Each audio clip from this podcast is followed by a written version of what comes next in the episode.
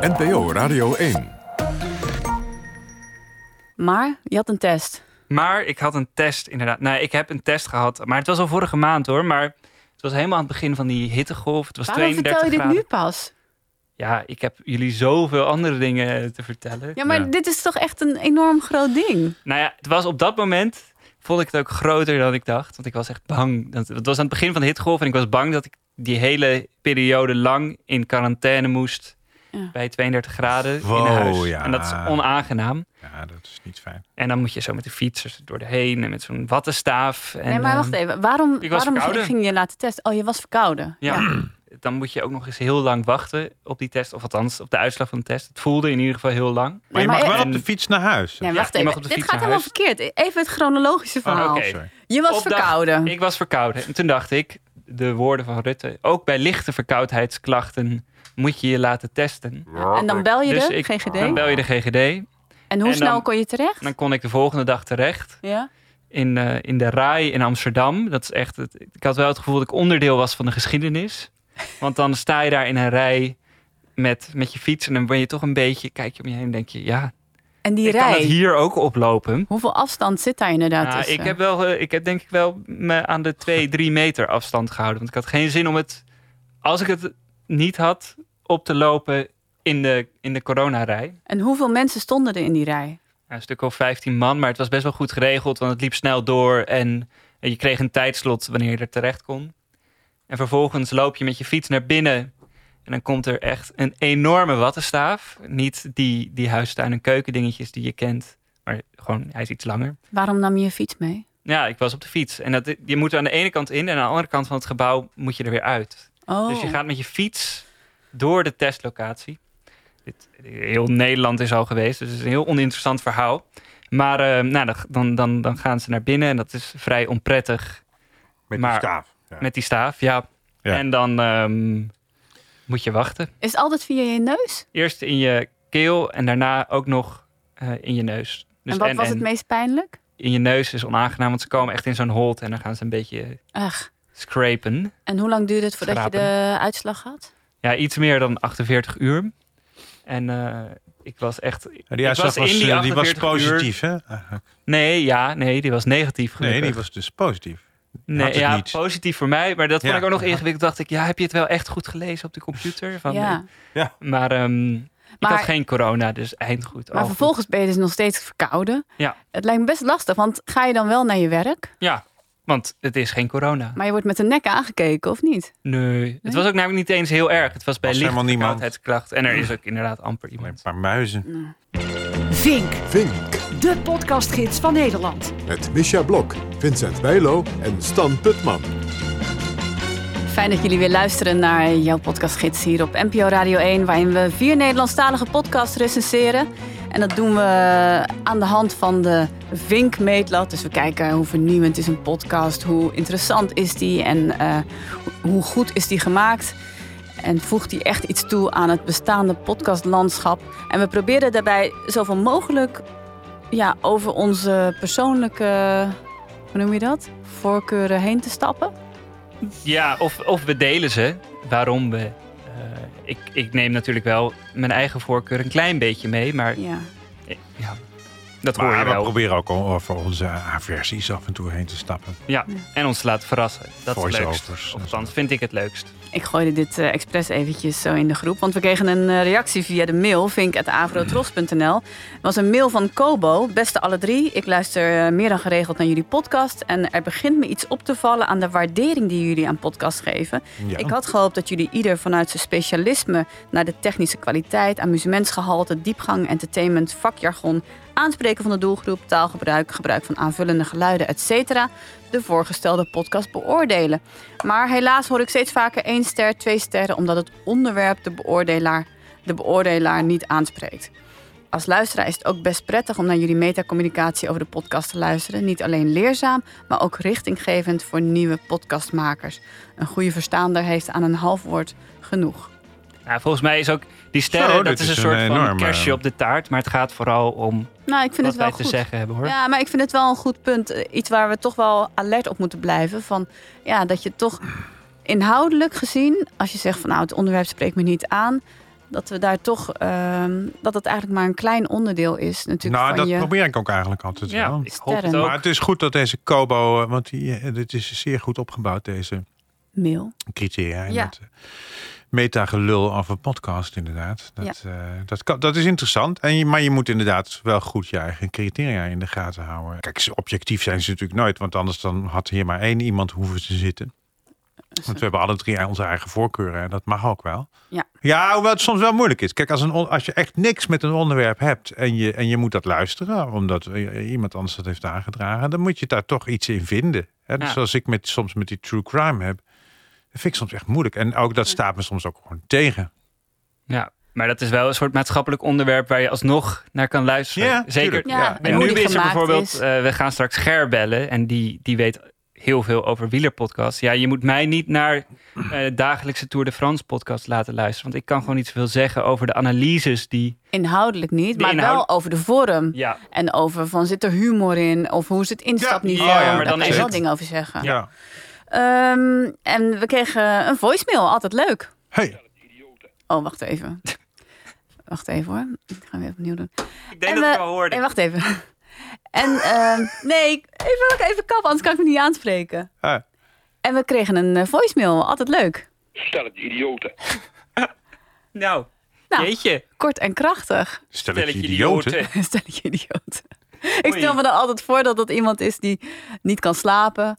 En die dan ook nog eens ons hoort. En die dan echt geen idee heeft van die podcast. Wat is dat? En die dan een gewoon echt verbolgen maker, dacht ik. boos gezegd. opbelt. Oh, met een soort van verdraaide stem. Nee, nee, dit is heel anders. Dit is iemand die graag wil horen dat zijn eigen stelletje idioten op de radio komt. Oh, dus we hebben nu gedaan. Heb je een, eh, maar we hebben zijn nummer hoor. We Ja. hebben getraceerd. dus eh, we bellen je binnenkort eens even terug. We kregen een mail van Jasser Ballemans. Eh, beste Vinkers, met veel plezier heb ik enkele afleveringen van Vink teruggeluisterd. Er werd meerdere keren gezegd dat Vink er is om het luisteren van podcasts te promoten. En daarom verbaast het me dat ik niet op een Avro of Vink website een overzichtje kan vinden van de door jullie beoordeelde podcast en de gegeven waardering. Het zou Hmm. super zijn als jullie daarin kunnen voorzien. Ja, en daar kregen we meerdere mails over. Ook hondenuitlater Mark eh, de Park met zijn Oh ja. eh, hond Oscar de Pos Poscar. Die mailde dat ook. Oh ja. Wel een ja, goed dat punt. moet, eigenlijk, dat moet ergens Toch? staan hè? Ja, dat moet eigenlijk Ja. ergens staan met een soort van zoekfunctie. Want ik krijg ook best vaak mails van eh, luisteraars van ik draag deze podcast aan en dan hebben we die al lang besproken.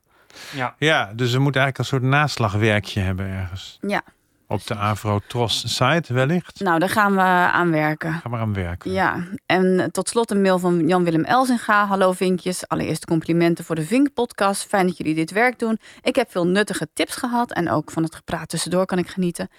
Dan eventjes over de lage waardering voor de geschiedenis van het Romeinse Rijk. Oh ja. Ja, ja, vind ik niet helemaal terecht. Oké, het is wat duf, maar in mijn fantasie gaat het helemaal leven. En er is ook nog een Facebookpagina en een website met extra achtergronden en kaarten. Ja, dat had ik ook wel. ja jij eh, was daar nog wel eh, enthousiast Ja. over. hè? Het was Ja. geen goede podcast. Lastig. Maar in ieder geval dank voor, voor alle mails en alle reacties. Mail naar vink.avrotros.nl of spreek onze voicemail in.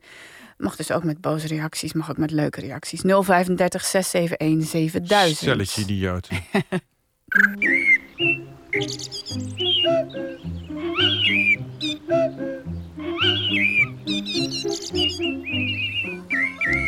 Welke podcast gaan we deze aflevering bespreken, Stan? De Italië-podcast.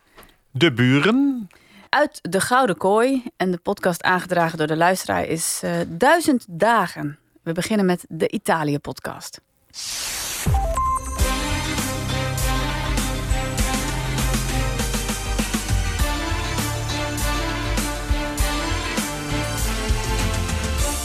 Welkom bij aflevering 7 van de Italië-podcast.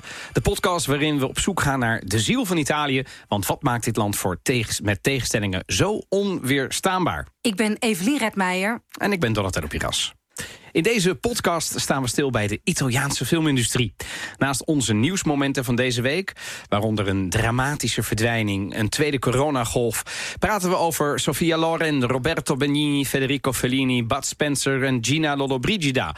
Oftewel een paar iconische namen uit de Italiaanse film. Maar hoe staat het eigenlijk met die industrie die decennia lang floreerde? Bestaat de Italiaanse film nog? Is het nog een beetje een industrie van formaat? En wat maken ze eigenlijk nog in Italië? Is het oude glorie met af en toe een voltreffer, zoals La Grande Bellezza, of hele slechte B-films? Over La Grande ga ik niets meer zeggen. Ik zag op Twitter dat ik daar iemand ontzettend mee heb gekwetst. Dus ik, ik hou... uh, Die, nou was, ja, die zei, ik was teleurgesteld. Nee, nee, geraakt. Echt teleurgesteld of gekwetst. Dus dat doe ik niet meer. Nee, Iedereen vindt die film geweldig en ik niet. De Italië-podcast. Ja, ik heb hem aangedragen. Maar ik dacht, nou, nu iedereen terugkomt van vakantie... Ja, of eh, terug is inmiddels en weer, weer wil terugdromen naar eh, fijne, warme oorden, zoals nou ja, in dit geval Italië. En dan kan ik, eh, kan ik deze podcast aanraden, want het gaat heel erg over de cultuur, de maatschappij. Echt de hele breedte van Italië wordt besproken. En ik ben zelf ook nog eens een filmfanaat, dus ik dacht, ik pik deze aflevering eruit. Om Ah, eh, ja. meer, eh, meer te weten te komen over de Italiaanse film, want daar wist ik ook, weet ik ook niet superveel vanaf. wat is jouw favo eh, Italiaanse film? La Dolce Vita. Of, en La Grande Bellezza vind ik ook prachtig. En La Meraviglie, dat is een niet zo een vrij recente film van een paar jaar geleden, vond ik ook echt prachtig. En je bent wel echt Italië-liefhebber dus. Ja, ik ben wel een liefhebber, maar niet een enorm groot fan zoals Donatello en eh, Evelien dat zijn. Maar toch, eh, toch kon ik mee- meekomen. Ik was in Duitsland deze zomer. En vorig jaar was ik in Italië. En ik zag toch wel echt een enorm voordeel in Duitsland. En dat is de wc's. Oh, De openbare wc's. Papieri. Oh, en zo Non schoon. papieri. Overal. In Italië is het zo vies. dus jij solliciteert voor een plekje in de Duitsland-podcast. Eh, Nee, maar vinden jullie dat niet opvallend? Italië oh, dat vind weet ik eerlijk Oh, gezegd ja. niet meer. ja, maar zeker als je op fietsvakantie gaat, dan ga je natuurlijk overal eh, in eh, restaurants, op openbare wc's. Ah, die Deutsche, wc. die Deutsche WC's zien, zien zeer... Ja, Zeer ja. net. Ja, Klo. net, nee, Net. net is aardig. Nee, net en hoe noem je dat? Hygiënisch. Huggy. Hygiënisch. Hygiënisch. Ja, Ja, voor pipi machen. ja. Maar Ja. goed, ja, leuke interactie tussen die twee. Ja, maar ze schreeuwen heel hard soms. Die Evelien die praat keihard. En hij gaat daar soms in mee. Zodat hele gedeeltes van die podcast dat ik denk... Want soms doet, gaat ze opeens zachter. En dan denk ik, hé, hey, je, kan, je kan dus ook zo praten. Dus zij heeft een enorm volume. En het, het is gewoon in een studiootje.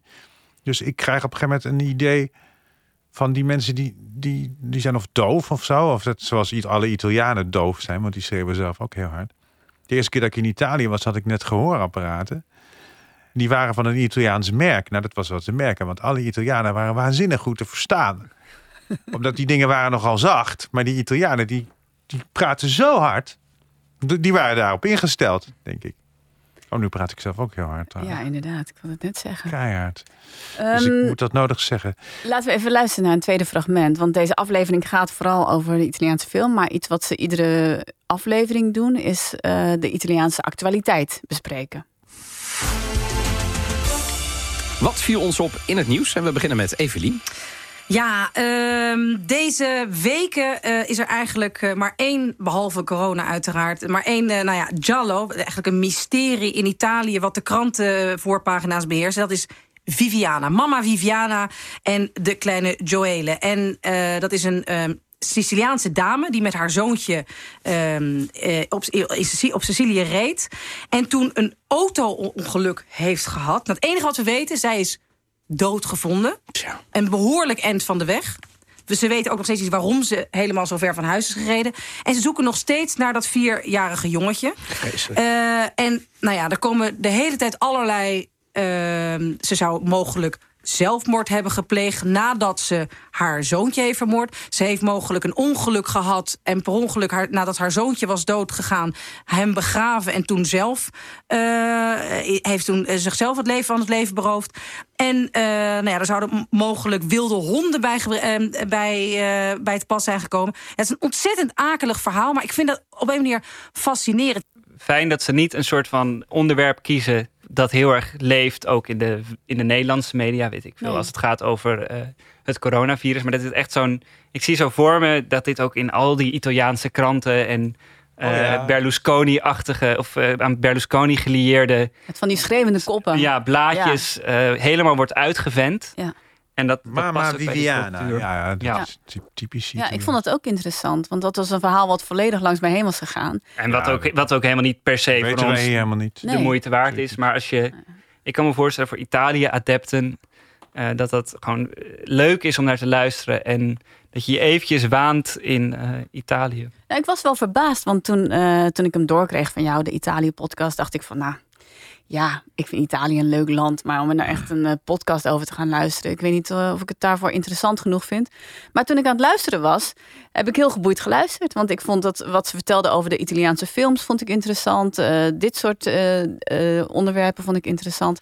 Ik vond Ik het vind- waterproeven echt belachelijk lang duren. Ja, dat vond ik ook echt veel te ja, lang. ze gingen het verschil tussen Het sloeg helemaal nergens op. Ja, dat, Italiaans dat sloeg water terug en op een gewoon water proeven. Ja, want ze hadden eerder een aflevering gemaakt over de miljardenindustrie die water is in Italië. Hele interessante aflevering. En daar hadden ze een discussie. En daar gingen ze nog even op in door een proeverijtje te houden. Ja. Oh, precies. Maar ja. verder vond ik het lekker de vaart in zitten. Ik vind het twee goede sprekers. Ik vind een leuke interactie tussen die twee.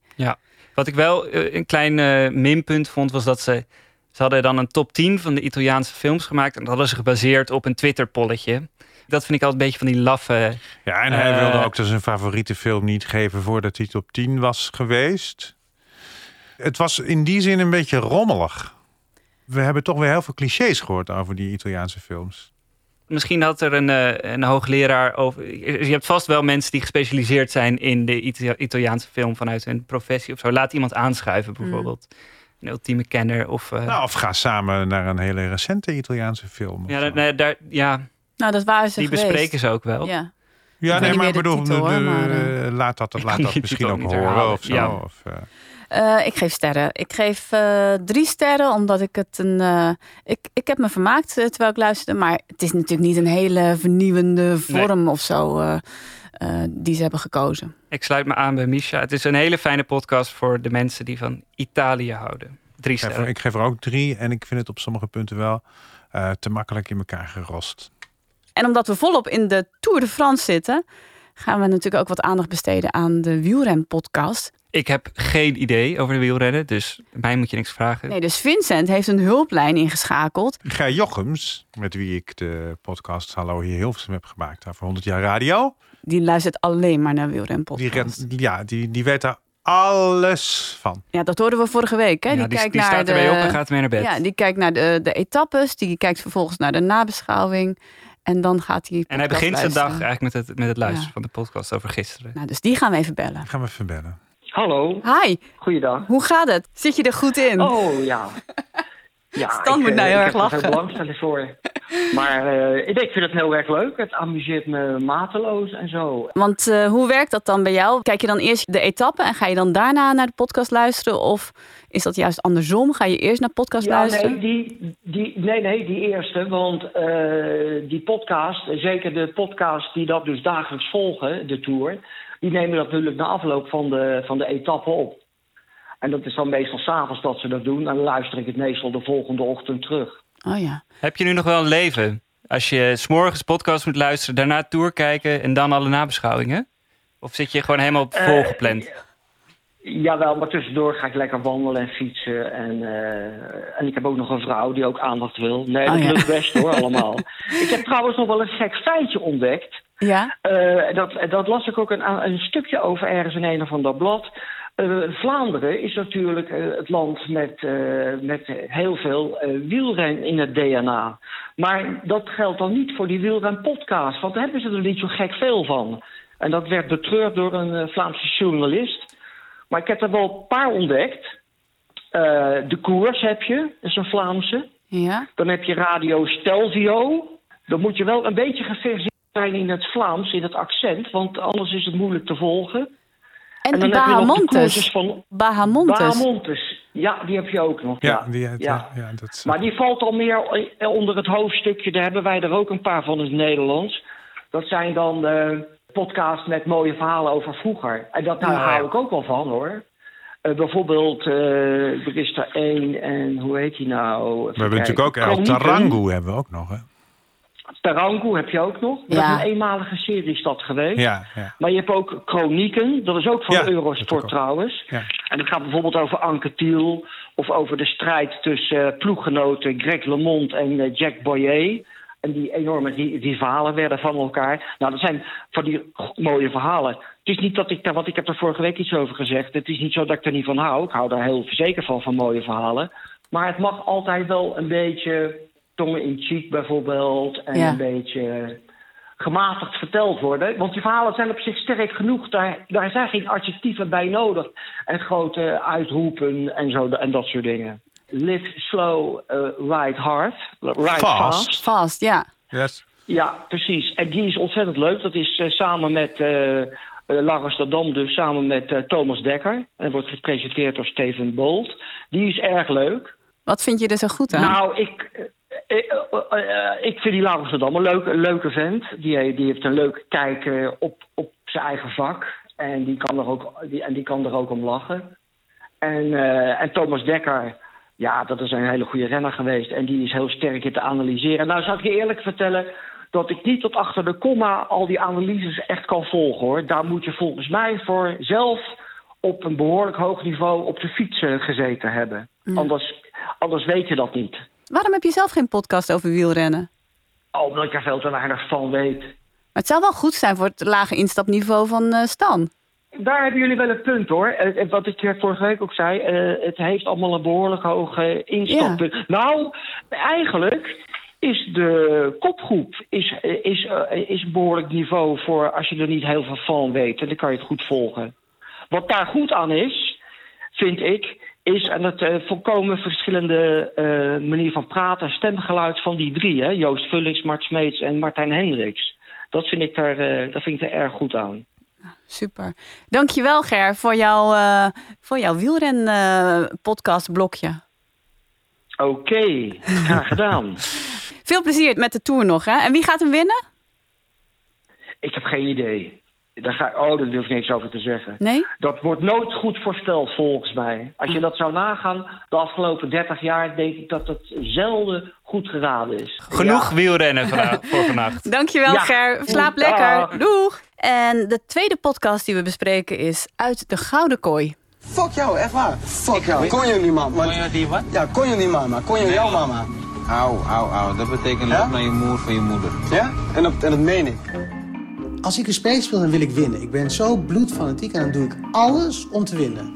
Dus alles wat ik kan doen om vervelend te zijn, dat doe ik. Dat, dat zit heel erg in mijn karakter. Ik ben echt een lul. Ik ben Elja Looijenstein en dit is het verhaal van Huub. Mijn bij de hand jeugdvriend die een berucht personage werd in een van de meest omstreden televisieprogramma's ooit. En uiteindelijk zijn bestemming vond in de wereld van de reality-tv.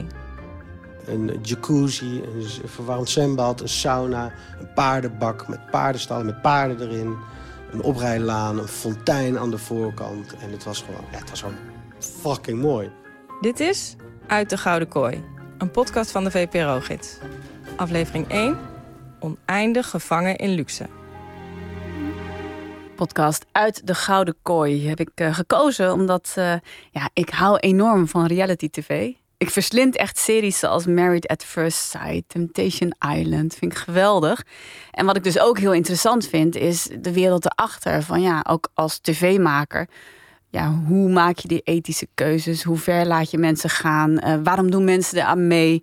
Dus ik vind zo'n terugblik met een oud deelnemer van de Gouden Kooi. Want ik weet nog heel goed de Gouden Kooi toen het op tv kwam. Ik vond dat heel interessant. Toen heb ik ook gekeken. Maar interessant? Of vond je het gewoon hartstikke lekkere achteroverleun beide. tv? Of zat je met Echt. je antropologische bril op ja, te kijken? ook. Ook omdat ik dan echt benieuwd ben van nou, hoe reageren mensen? En het is natuurlijk ook gewoon heerlijk vermaak. Om Ja, te zien precies, hoe dingen ja. volledig uit de hand lopen. Wat wel bijzonder is ook aan deze podcast en aan Huub, is dat Huub eerst deelnemer was van de Gouden Kooi en uiteindelijk ook voor Talpa en reality TV-programma's is gaan werken. Dus hij kan zowel iets vertellen over de wereld binnen de Gouden Kooi en vervolgens ook hoe makers daarmee omgingen en hoe hij later daarop terugkijkt. En ik, vind het, ik vond het een hele interessante terugblik op die tijd. Want was jij ook wel kijker van de Nee, Gouden ik Kooi? was. Ik denk dat ik te Nee, jong jij was. te jong. Het was in 2005 tot 2007 volgens mij. Ja, en toen was ik 13. Ja, ik weet nog wel dat het een ding was, en een discussie of zo, maar ik heb het nooit echt gekeken. nee. Nou, ik vind het verschrikkelijk. eh, in de Het zin programma. van. Of de podcast? Of allebei? Nee, de podcast niet. Nee, het, eh, het programma. Omdat je wat je doet, is natuurlijk, je, je sluit die mensen op in een, in een laboratorium. En je, je laat ze zich elkaar opfokken. En daar vergaapt heel Nederland zich aan. En eh, ze doen dat weliswaar vrijwillig. Maar ik vind dat je dat mensen niet mag, kan en mag aandoen. En dat vind ik nog steeds. Heel, heel lang na dat die gouden kooi was. Ik vind het zo'n afgrijzelijke. Het is ook een verdienmodel natuurlijk. Ja, dat wist ik dus niet meer. Maar ze moesten geld ook inleggen, hè, die deelnemers. Ja, ja, Ja, maar, maar dat- goed, het is sowieso al een verdienmodel, omdat het op een commerciële zender is natuurlijk. ook. Maar dat geld inleggen, voor de duidelijkheid, dat was meer een soort borg om Ja, ervoor als te zorgen borg, dat mensen er niet in de ja. eerste week al uitstapten. Dat ze Nee, serieus waren. Ja, ja. Nee, maar ik vond het, ik vond het hele, hele ding, dat is eigenlijk hetzelfde bezwaar als ik ook tegen Big Brother had. Dat je. Ik ook heel leuk. Ja, maar ik vind niet dat je dat, met- dat, dat, dat, dat, je dat mensen moet aandoen. En ik, vind, en ik, ik kan er ook niet bij hoe je dat dan als heel volk gaat zitten aangapen. Ja, maar mensen aandoen, mensen kiezen er zelf voor. Ja, maar dan nog kun je ze tegen zichzelf in bescherming nemen. Ik, Ja, waarom? En, en dat gemanipuleer, jongen. Ik vind het een ontzettend Nou, maar ik, ik, wat, vreselijk programma. wat ik een hele interessante eh, observatie van Hu- Huub vond, of observatie. Hij zei, eh, het ging bijvoorbeeld over Terrorjaap. En Terrorjaap, dat weet ik nog wel, dat was een soort van de huis, Dat was een vreselijke klootzak. een vreselijke klootzak. Maar hij zei ook van, ja, hij gaat gewoon vijf minuten per dag aan Ja. in de tijd van de Gouden Kooi. Want dan, eh, dan zorgt hij dat hij goede televisie maakt, als een soort entertainer. Ja, en de rest nou. van de dag gaat hij zitten schaken en is Ja. een hele vriendelijke gast. En is het gewoon een mens. En ik vond, het, het komt ook van twee kanten. In mijn beeld van reality televisie is ook wel een beetje gekanteld door, eh, Ja? door deze podcast. Je Ja. bent er milder over gaan ik denken. ben er milder over gaan denken. Wat ik zo interessant zou vinden aan deze Gouden Kooi... is gewoon om heel veel ex-deelnemers te vragen... hoe het nu met ze gegaan is en wat voor sporen dat ding heeft na. Van verschillende programma's ja, ook. Ja, ja, ja. ja, van verschillende programma's. Want je hoort Ja. natuurlijk regelmatig dingen ook over dat soort, dat soort programma's... die- waar, eh, nou ja, er zijn een aantal zelfmoorden gepleegd... eh, geweest van, eh, van mensen die aan, aan reality-programma's hebben meegedaan. Ook in Nederland? In Nederland niet, nee. Maar even los van of je voor of tegen reality tv Ja. bent, laten we het even meer uitzoomen. Eh, wat vonden jullie van eh, de podcast? Hoe die is opgebouwd, hoe, wat je hoort, hoe die is gemaakt? Ja, het, is, eh, het, het is best wel een korte serie. Het zijn drie afleveringen. En je hoort eigenlijk een beetje de aanloop, hoe Huub daar terecht kwam. Vervolgens het verloop van eh, de Gouden Kooi en de uitslag. En ook hoe, hoe Huub terugkijkt op bepaalde acties die hij destijds gedaan heeft. Die best wel wat wenkbrauwen deden fronsen. Even En tenslotte- naar... Ja? Oh ja, en tenslotte nog een aflevering met een soort terugblik. Hoe kijk je er nu naar en zou je het weer doen, et cetera. Maar laten we even luisteren inderdaad naar ja, naar het tweede fragment eh, over Huub en over die aanloop zeg maar, naar zijn deelname. Huub staat op een kruispunt in zijn leven. Zou het leven in een luxe villa omringd door camera's echt iets voor hem zijn? En toen dacht ik eerst, ik ga het niet doen. En toen zei eh, mijn lieve broer Frank, eh, die is tien jaar ouder dan ik... dat was aan de telefoon, terwijl ik door een winkelstraat in Hengelo liep. Dat vergeet ik nooit meer. Toen zei hij, ja, dadelijk wordt het een soort van fantastisch, episch programma... waar iedereen het nog 14 jaar lang over wil hebben. En ben jij zometeen degene die daar nee tegen heeft gezegd? Wil je de jongen zijn die, die, die op feestje zegt... nee, daar had ik kunnen inzitten. Dat iedereen zegt, ja hoor, tuurlijk, Huub, daar had jij in kunnen zitten. Toen dacht ik, ja, ik ga het doen. En toen heb ik ze opgebeld en zeg, jongens, ik, ik ga ervoor. En dan is het voor mij ook... Ja, als ik zeg, ik doe het, dan doe ik het ook. Dan doe ik het ook niet niet. Heeft uw broer daar later spijt van gekregen? Ja, ik wel. Ja, dit was de, de deelname voor de Gouden Kooi. was voor mijn familie natuurlijk super zwaar. Met de Gouden Kooi zou John de Mol op zijn eigen tv-zender... zijn gedroomde ultieme reality-show gaan maken. Voordat er een minuut is uitgezonden... heeft de Gouden Kooi al flink wat stof doen opwaaien. Wie best kan pesten, wint. En de grootste prijs in de tv-geschiedenis ooit. Afschuwelijk, heilloos en ver over de grens. Er zijn zelfs kamervragen gesteld. Ik ben vooral benieuwd wie zich daarvoor zal inschrijven. Honderden mensen hebben zich spontaan aangemeld voor de Gouden Kooi. Wil je niet de moraalridder uithangen? Dat je daar ook nog heel rijk en eh, heel veel mee verdient. Het wordt een eh, spectaculair programma. We hebben eigenlijk helemaal niet gezegd wat de Gouden Kooi precies is. Een tv-programma waarbij mensen worden opgesloten in luxe. Ze mogen alles bestellen wat ze willen. In en een ze, villa In een in, eh, villa in, Eemnes. in Eemnes, waar nu koffietijd wordt opgenomen. Nee, dat nu al niet meer. Oh, nu niet meer? Oh. Het wordt nu op de Beethovenstraat opgenomen. Oh. Want dat is ook nog zo wat. Want die, degene die zou winnen, die zou de villa krijgen. Ja, klopt. En dat is niet gebeurd. niet maar die heeft wel 1,3 miljoen euro gewonnen. Want dat was dus het idee van degene die het laatste inderdaad in dat huis blijft. En je mag elkaar wegpesten. Dat was de opdracht. Ja. Dus blijf als laatste over, dan win je de Ja, hoofdprijs. het, het is wel echt, het, tegelijkertijd is het ook echt eh, heel, die opzet, het is eh, zo vragen om kamervragen. John de Mol zal zich hebben zitten verkneukelen over eh, oh, bij de ontwerpfase. En ik vind het interessant Tuurlijk, wat ja. hij hier ook zegt. Van ik was op een kruispunt in mijn leven. Want dat zegt hij ook later. ehm, dat zegt Huub ook later in een andere aflevering. Van hij heeft zich ook bezig gehouden met selectie van kandidaten. Dat de beste kandidaten voor reality tv zijn mensen die op, zich op een kruispunt van hun leven bevinden. Dus die bijvoorbeeld net gescheiden zijn. Of die net ehm, een andere eh, een baan aan het zoeken zijn. Ja. En tegelijkertijd zijn Ja, dat natuurlijk ook weer hele kwetsbare mensen. En dat je dus ook weer moet uitkijken dat je niet hele kwetsbare mensen daarin zet. Omdat die natuurlijk eh, enge dingen kunnen gaan doen. Dus je zoekt Nou, mensen die op een kruispunt of, van een. eh, beschadigd door kunnen raken. Ja, dus je zoekt eigenlijk mensen die op een kruispunt van een leven zitten, maar die toch mentaal vrij sterk zijn. Wat best een soort van tegenstrijdig iets is. Nou ja, hoeft, hoeft niet per se toch, toch? Je kan toch op een kruis, je, je kan toch mentaal sterk zijn, maar wel een soort, eh, nou ja, een, een nieuwe. Je hebt ook de tijd. Dat is ook gewoon heel praktisch Ja. als je op een kruispunt staat om iets anders te doen. Ehm, Ja, maar je, nee, maar je valt snel voor, eh, voor, voor, eh, voor, droom, voor, voor avontuurlijke eh, dromen natuurlijk. Ja. Waarschijnlijk. Ik denk wel dat je wat labieler bent, toch? Dat denk ik dat, ook wel, dat, ja. dat meer Ja. mensen labiel zijn op een kruispunt van hun leven Ja, dan dat is waar, dat is waar. super mentaal sterk. op een, ja. Ja. Ik heb nog nooit iemand gesproken die zei van ik ben net gescheiden. Ik heb me nog nooit zo krachtig gevoeld. Ik heb me nog nooit zo sterk gevoeld na deze scheiding. Na deze. Ja. Nee, maar de, de, deze podcast is heel erg een verhaal over reality TV. En in het bijzonder de Gouden Kooi. Echt vanuit het oogpunt van Huub. Dus je moet niet gaan luisteren met een, met de verwachting om alle kritische kanttekeningen. of vanuit allerlei verschillende blikken. Nee. eh, te, eh, een podcast te gaan horen. Maar dat is ook niet. Ik vind dat niet erg. Ik vind het. ehm, Nee, het is, het is een buitengewoon interessante podcast. Omdat Ja. hij natuurlijk gewoon de, de, eh, aan geschiedschrijving doet. En die, en die brengt die periode en het programma in kaart. Eh, zonder eigenlijk echt een, eh, een enorm oordeel te vellen. Want zij eh, haakt op een gegeven moment af. Eh, daar vindt ze het niet interessant meer en te erg worden. tijdens, tijdens, het, tijdens de Gouden Kooi toen het uitgezonden werd. Maar het is een, ontzettend interessant om, om dat in kaart te brengen. Want het voegt echt iets toe aan, aan, aan je beeld van de, van de recente geschiedenis. Ja, we gaan door. Eh, ik geef eh, vier sterren. Ik heb eh, heel geboeid geluisterd. Ik heb alle afleveringen achter elkaar geluisterd. ik, heb, ik geef ook vier sterren. Vond het super interessant. Ik geef er ook vier. Wauw.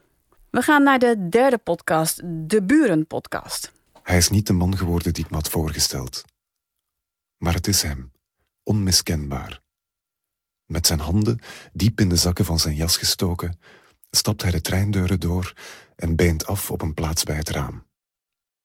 Zijn benen tilt hij nog altijd iets te hoog op, om ze vervolgens haast een meter verder weer stevig neer te planten.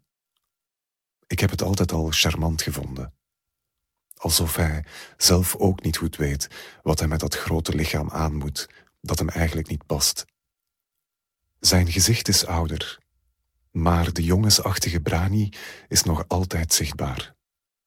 Zijn profiel is de droom van menig acteur. Brede kaak, Romeinse neus met een klein kuiltje in het puntje, grijsblauwe ogen omlijst door zwarte wimpers. Dat was eh, de Buren podcast. Ja, dit is een, de, de Buren is een podcast. eh het is een samenwerking van een aantal organisaties, eh, Nederlandse en Vlaamse organisaties, die eh, een soort culturele brug willen slaan tussen Nederland en Vlaanderen. En dit komt uit een serie Rode Oren. En die gaan, dat, dat zijn eh, eh, licht erotische verhalen. Ik vind het wel raar dat er helemaal geen introductie is. Ja, het En is dit was echt het begin wat we hoorden. Dus Ja. je zet hem aan, dan hoor je meteen ja, dit. Dus je moet meteen de show notes eerst even. eh, Dat vind ik wel prettig. Want het, de- je, je, ja, want je weet. Ze gaan ervan uit dat je weet naar, waarnaar je gaat luisteren. Dus je hoeft geen. Niet dat eeuwige muziek. Nou, dat wist ik helemaal niet eigenlijk waar ik naar ging luisteren. Want dit is dan een erotisch verhaal. Maar waarom dit verhaal? En, Ja, eh, ik, ik snap wel wat je bedoelt, Misha. Maar volgens mij gebruiken zij hun podcastfeed bijna als een soort van eh, vergaarbak van alle audiofragmenten en verhalen die ze hebben. Ja. En daardoor is het een. Dat, het is jammer, want het, het, geeft, het maakt het niet echt aantrekkelijk om meer te gaan luisteren en door te luisteren. Je ziet in de beschrijving wel ehm, waar, een, waar een aflevering over gaat. Dus je hebt het Rode Oor 2018. Maar dit is de dus orde der de- dingen die is maan, eh, nee, twee weken geleden geüpload. Ja. En dan is de volgende dag eh, een aflevering op geüpload over open tijdens lockdown nummer 2. Nee, maar wat is dit? Dit is het rode oor. En wat is het? Het is dan, is het de winnaar van Rode- een, nee, dit van is een een van de, van de verhalen van die, van die, eh, van die erotische eh, korte verhalenwedstrijd. Ja. En, en blijkbaar hebben ze dat nu pas, is iemand die archieven aan het opruimen en, eh, en hebben ze dat nu online gezet. Maar dat vind ik juist het, het zo interessant maken, dat het niet een geëikte vorm is met een braaf muziekje. Want dat, daar word ik soms een beetje, een beetje weeg van tegenwoordig met al die podcasts. Dat ze allemaal eh, eh, zo netjes worden ingeleid. En Ja, worden- maar dit is wel het andere uiterste hoor. Ik vind, het- ik vind ja, het dit is met het andere jullie- uiterst. Zeker. Zeg maar, je zou, dit is een podcast van vijf minuutjes ongeveer, deze aflevering. Maar er zou heel kort gewoon in tien seconden het rode oor. Literaire, Ja, erotische verhalen. is inderdaad, en dan eh, gewoon onderdeel een van- verhaal van. Oh, maar ik heb het helemaal niet gemist eigenlijk. Ja, nou, ik wel. Oh. Maar ik het- snap er helemaal niks van. Dus, dus je, de, de manier. Dan moet je even lezen wat erbij staat. de buren, ze kunnen echt eh, heel veel, ik denk ook echt een publiek winnen als ze gewoon meerdere podcastfeeds, een feed met alleen maar die erotische verhalen bijvoorbeeld. Want ik heb op hun website ook andere verhalen geluisterd die je weer lastig kon vinden in de podcast. Ja, het is rommelig. Het is gewoon zonde, want het is allemaal slecht rommelig? ontsloten. Oké, Maar de inhoud, wat Ja, vonden we het ervan? Nou, ik vind het een mooi verhaal. Ik heb er nog een paar meer geluisterd. Het is wel een enorme markt voor, hè? Voor erotische verhalen. Goed In voorgelezen. podcastvorm. Ja, Linda doet het nu ook, hè? Ja, ik heb een. eh, dat is heel toevallig dat je dat noemt, want we hebben niet afgesproken. Ik heb een fragment van Amber.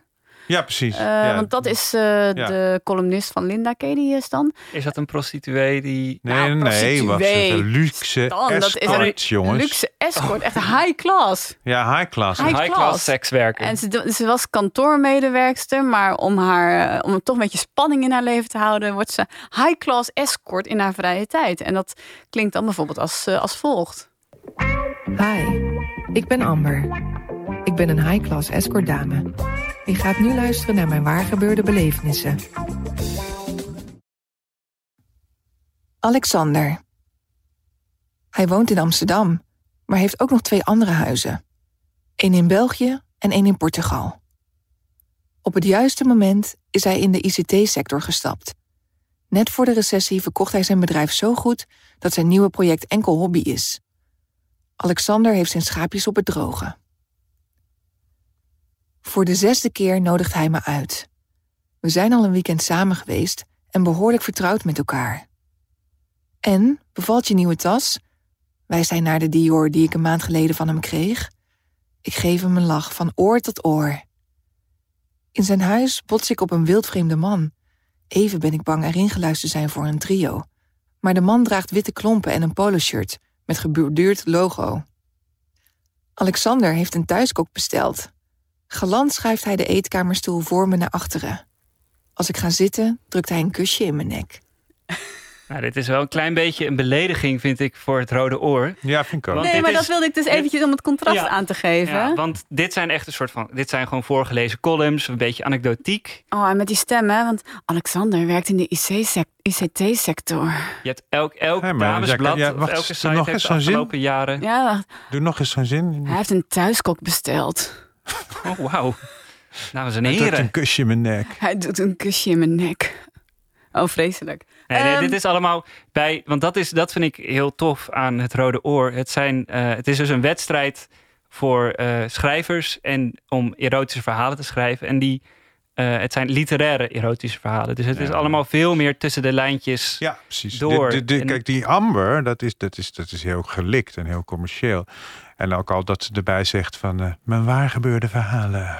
Ja, ik geloof daar helemaal niks Dan van. geloof ik er ook, Nee, dat geloof nee, ik ook niet ja. dan, dan meteen. Ik, nee, dat, dit is zo glad. Ja. Dit. Ik heb dit ook wel eens in Vinnie's podcasthoekje. Ja, heb ik nou, Amber wel eens een dat- keer. ik Oh, dacht al, want het- Amber in, het in hoekje van Vinnie? ja. Oh, ja, nou, Amber was weer even terug. maar, Ehm, eh, eh, nee, maar die, die, ik, ik, ik vind die literaire erotische verhalen vind ik veel interessanter. Ja, maar het is toch niet iets wat ik zou gaan luisteren. Of eh, waarvan ik zoiets heb van, ja, dan ga ik nog een keer luisteren. Nee, daar vond ik het gewoon niet interessant voor, genoeg voor. Het sprak mij totaal niet aan, dat verhaal. Nee. Van, Maar, eh, van ja, de maar dan, het spreekt mij ook aan in, in, in technische zin van hoe schrijf je dat op? Hoe doe je dat? Hè, Wat erotiek beschrijven is natuurlijk, eh, dat, dat gaat natuurlijk vaak mis, omdat dat dan toch een soort vleesware uitstalling wordt. Maar eh, het kan veel subtieler. Het kan veel. veel eh, dit, dit verhaal bijvoorbeeld, daar, daar gebeurt ook verder niks in. Nee, misschien was dat wel mijn probleem. Dat is juist het mooie ervan. ik vond het een beetje saai. Nee, dat is, dat is, dat is heel mooi. Dat is juist. eh, Want, want de, de, dat soort erotische spanning is juist mooi als het dus niet wordt ingevuld en niet dat orgasmus komt. En, en dat, Oh. ik vind dit mooi. Ja. Er gebeurde voor mij echt te weinig. Want hij zat gewoon in die coupé en er gebeurde helemaal niks. Nee, maar toen dacht hij Nee, terug hij aan een soort van liefde. Of een soort van, eh, eh, ja, bijna een soort seksuele ervaring die zij hebben gehad in hun jonge jaren. Het is, maar het is allemaal heel erg tussen de lijntjes. Ik heb ook Omvloerst is het. later nog een, een ander verhaal gehoord. Het was de winnaar van van, vorig jaar. Jij wil gewoon de keiharde rampetamp. Ja, ja. Je wil Amber. Ja. maar dat ging over iemand. Ja, dat was een tikkeltje pretentieus, maar het was ook wel weer een mooi verhaal. Het ging over iemand die eh, haar vriend aftrok terwijl hij de biografie van Nietzsche zat te lezen. Toen dacht ik wel van, Jezus. ehm, Ja, dat heb ik dan weer niet gehoord. ik heb een verhaal gehoord van, van een meisje dat appels plukte. Oh ja, heb ik ook gehoord. Ja. En, en toen in de slaapzaal van de meisjes een, eh, een, een erotische ervaring kreeg met een Frans meisje. Geloof. Of was het nou een Estse dame? Er zat er... Of, eh, oh, Ja, Estse. en Ja, dan- ja, nou, dat kan daar- Nee, het is ook hetzelfde verhaal, denk ik. Spanning in, ja. dat klinkt de nationaliteit al, eh, eh, al doorheen inderdaad. Nou, ik geef eh, twee sterren. Ja, ja. Ik geef er vier. En ik ga mooi in het midden zitten, drie sterren. Maar de buren ontsluit je podcast wat beter. Want dan ja, er zitten volgens mij best wel interessante verhalen Minder rommelig, gewoon eh, goed, Maar niet een brave inleiding met een muziekje. Nee, nou, heel, niet zoals Amber, maar wel een iets inleiding. Iets meer houvast, dat mag wel. Podcast aan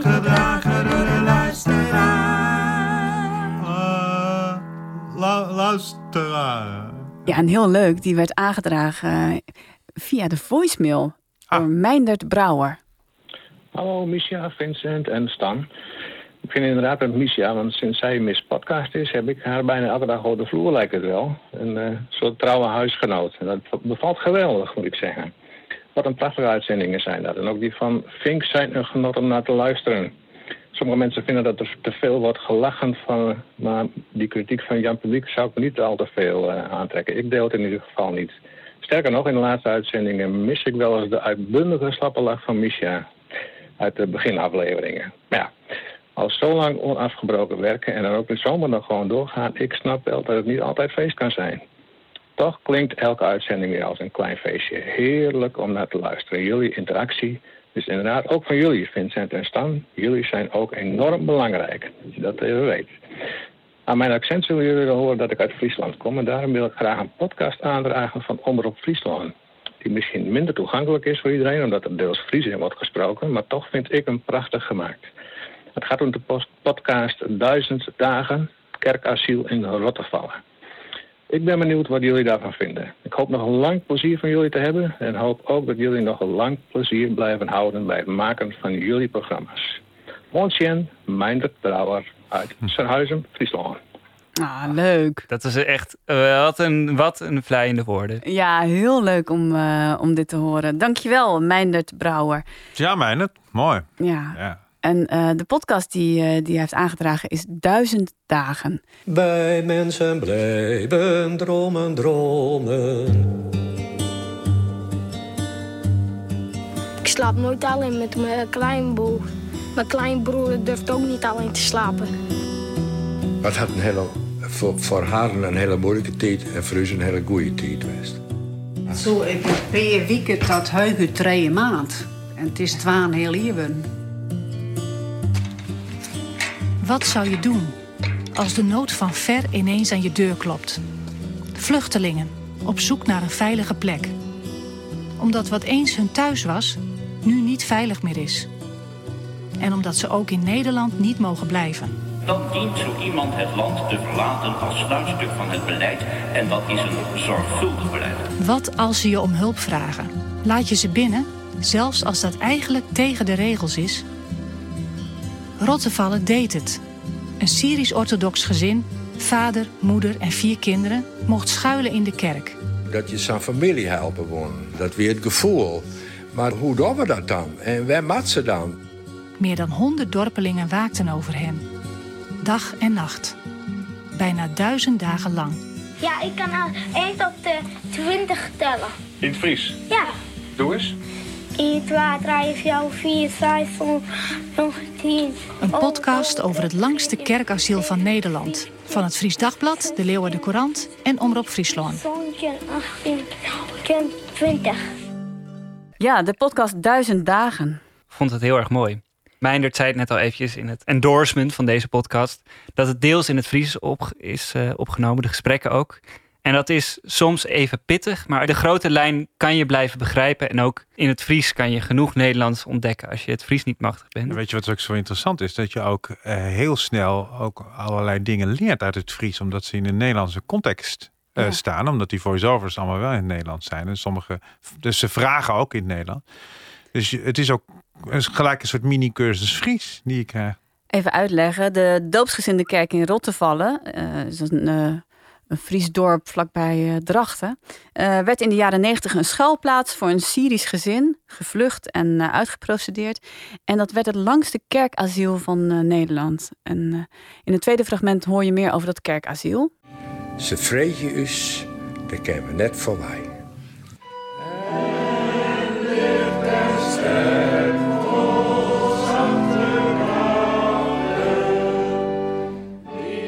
De doopsgezinde gemeente van Rottevolle zei dus ja. Maar tegen wat eigenlijk?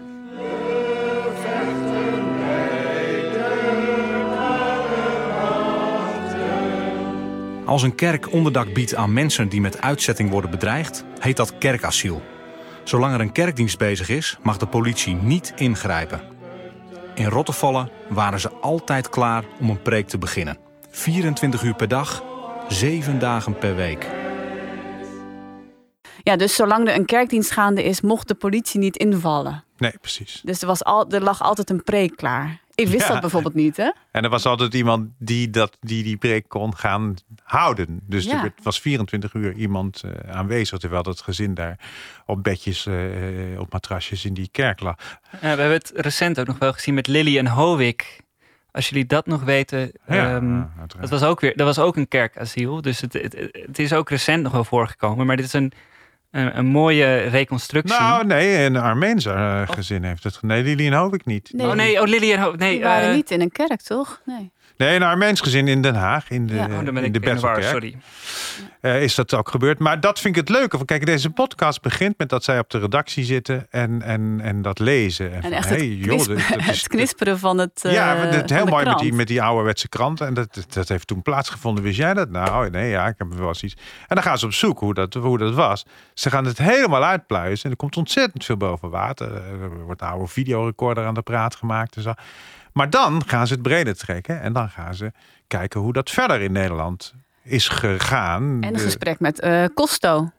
En een gesprek met Aad Costo, ja, ja die nu heel interessant. Is. Ja, wat ook heel interessant. En die van Tilborg natuurlijk ook. Uh, die toen uh, van, van Inlia was. Wacht, jullie moeten hen even inleiden, vrees ik. Ja, Inlia, dat is een... Oh, je bedoelt Wie is Aad Costo? Costo? Ja. Aad Costo was toen staatssecretaris van asielzaken. Tussen oh, 89 ja. en 94. Ja. En hij is toen een aanslag op gepleegd. Want hij had... Uh... Door de Rara, ja. Precies. En zijn kat heeft het overleefd. Nou ja, dat was ik ben de... pas bij aflevering 2. dus er worden allemaal spoilers gegeven. Als mensen. je Aad Costo ja. zegt, dan, uh, dan is de herinnering die heel veel mensen aan hebben... is dat een foto uh, in de krant dat hij zijn kat in zijn armen heeft... en dat hij uit zijn huis loopt waar dus die aanslag... waar die, dus die bom is afgegaan. Dat is een zware aanslag. Ja. Nee hoor, dat zijn geen spoilers. Dat, nee, dat kan, okay. dat kan maar nee. Ja. Um, ja, wat ik gewoon echt zo mooi vind aan deze podcast is ja, je kan het je toch niet voorstellen dat honderd vrijwilligers in zo'n dorp, in zo'n klein dorp, dag en nacht bezig zijn met eh, voor zo'n Syrisch gezin zorgen. Dat ze, eh, dat ze nachtdiensten houden. Dat ze ervoor zorgen dat die kinderen naar school kunnen. Dat ze voor boodschappen zorgen. En eh, dat hele ja, Minskip. Ja, nee, het is dat hele gezin brengt dat dorp bij elkaar. Geweldig. Ja, Ja. De, die in, mooi- in de aflevering 2 hoor je Annie bijvoorbeeld. En zij brengt elke dag de bollen, het brood, naar, naar. En dat wordt dan weer gratis beschikbaar gesteld door de bakker. En het, is, het, het, het hangt aan één, aan een soort van bijna nostalgie ook naar. Of althans niet nostalgie, maar een soort verlangen naar die Saamhorigheid. Die saamhorigheid Ja. En dat ik. eh, eh, En terwijl je het luistert, zit je ook zelf te denken, tenminste had ik, hè, van hoe zou ik reageren? Wa- Wat zou ik doen? ja, als er iemand aan mijn deur zou staan Ja, om eh, onderdak te vragen. Ja. Oh ja, ja, precies. Maar eh, ik vind het mooi. Ja, ik vind het een Ja. prachtige podcast. Echt heel goed gedaan. Omdat je dat. Vooral ook omdat ik dacht eerst, toen, toen ik het eerste stukje hoorde, dacht ik, ze gaan alleen maar dat, dat doen. Dus alleen Mhm. maar daar. Maar ze, ze, ze maken er een veel breder ding van. ja. Het is mooi. Een unieke vorm, hè, met die tweetaligheid. ja, heel mooi gedaan inderdaad. En ik vind het ook mooi eh, vormgegeven, ook eh, hoe het begint met, die, eh, met, die, met dat gezang elke keer. En, Ja, ja, dat is die psalm. Dus die eh, bij de laatste dienst, dat is de psalm die bij de laatste dienst werd gezongen toen ze, toen ze weggingen. En het is een heel mooi, hoe noem je dat, een rond verhaal dat ze aan het eind is een, ja, zonder spoilers, eh, ja, ze gaan op zoek naar dat Syrische gezin. Ja. Om, willen omdat ze heel graag doen. Ja, ze willen een reunie doen. En dan is de vraag van ja, kunnen ze het Syrische ge- gezin vinden? Willen ze, willen ze wel of niet eraan meewerken? Dus Ja. je hebt ook een soort van rode draad eh, en een heel duidelijk einde Ja, aan eh, de podcast. Nou, sterren. Wow, Stan begint. Ik geef er eh, vier. Ik vond het echt super interessant. Ik vond het hele fijn, heel fijne inblik, eh, blik in die gemeenschap. En eh, ik ga straks op de terugweg gewoon weer doorluisteren. Ik kijk er al naar uit. Ik geef er ook vier. En eh, ik geef 4,5 ster. Zo. Dus tot zover de vier Nederlandstalige podcast. Er is een gedeelde derde plek. Met negen sterren de Italië-podcast en de Buren-podcast. Op de tweede plek is geëindigd met 12 sterren uit de Gouden Kooi. En op de eerste plek is geëindigd, het komt op mijn halve punt extra, Oh, ja, ik, ik, ik begrijp het weer. Duizend dagen met 12,5 ster. Wil je eerdere afleveringen van Vink terugluisteren? Ga dan naar je podcast-app of naar nporadio1.nl schuine podcast. Dank voor het luisteren en eh, wil je ons mailen? Dan kan dat. vink.avrotros.nl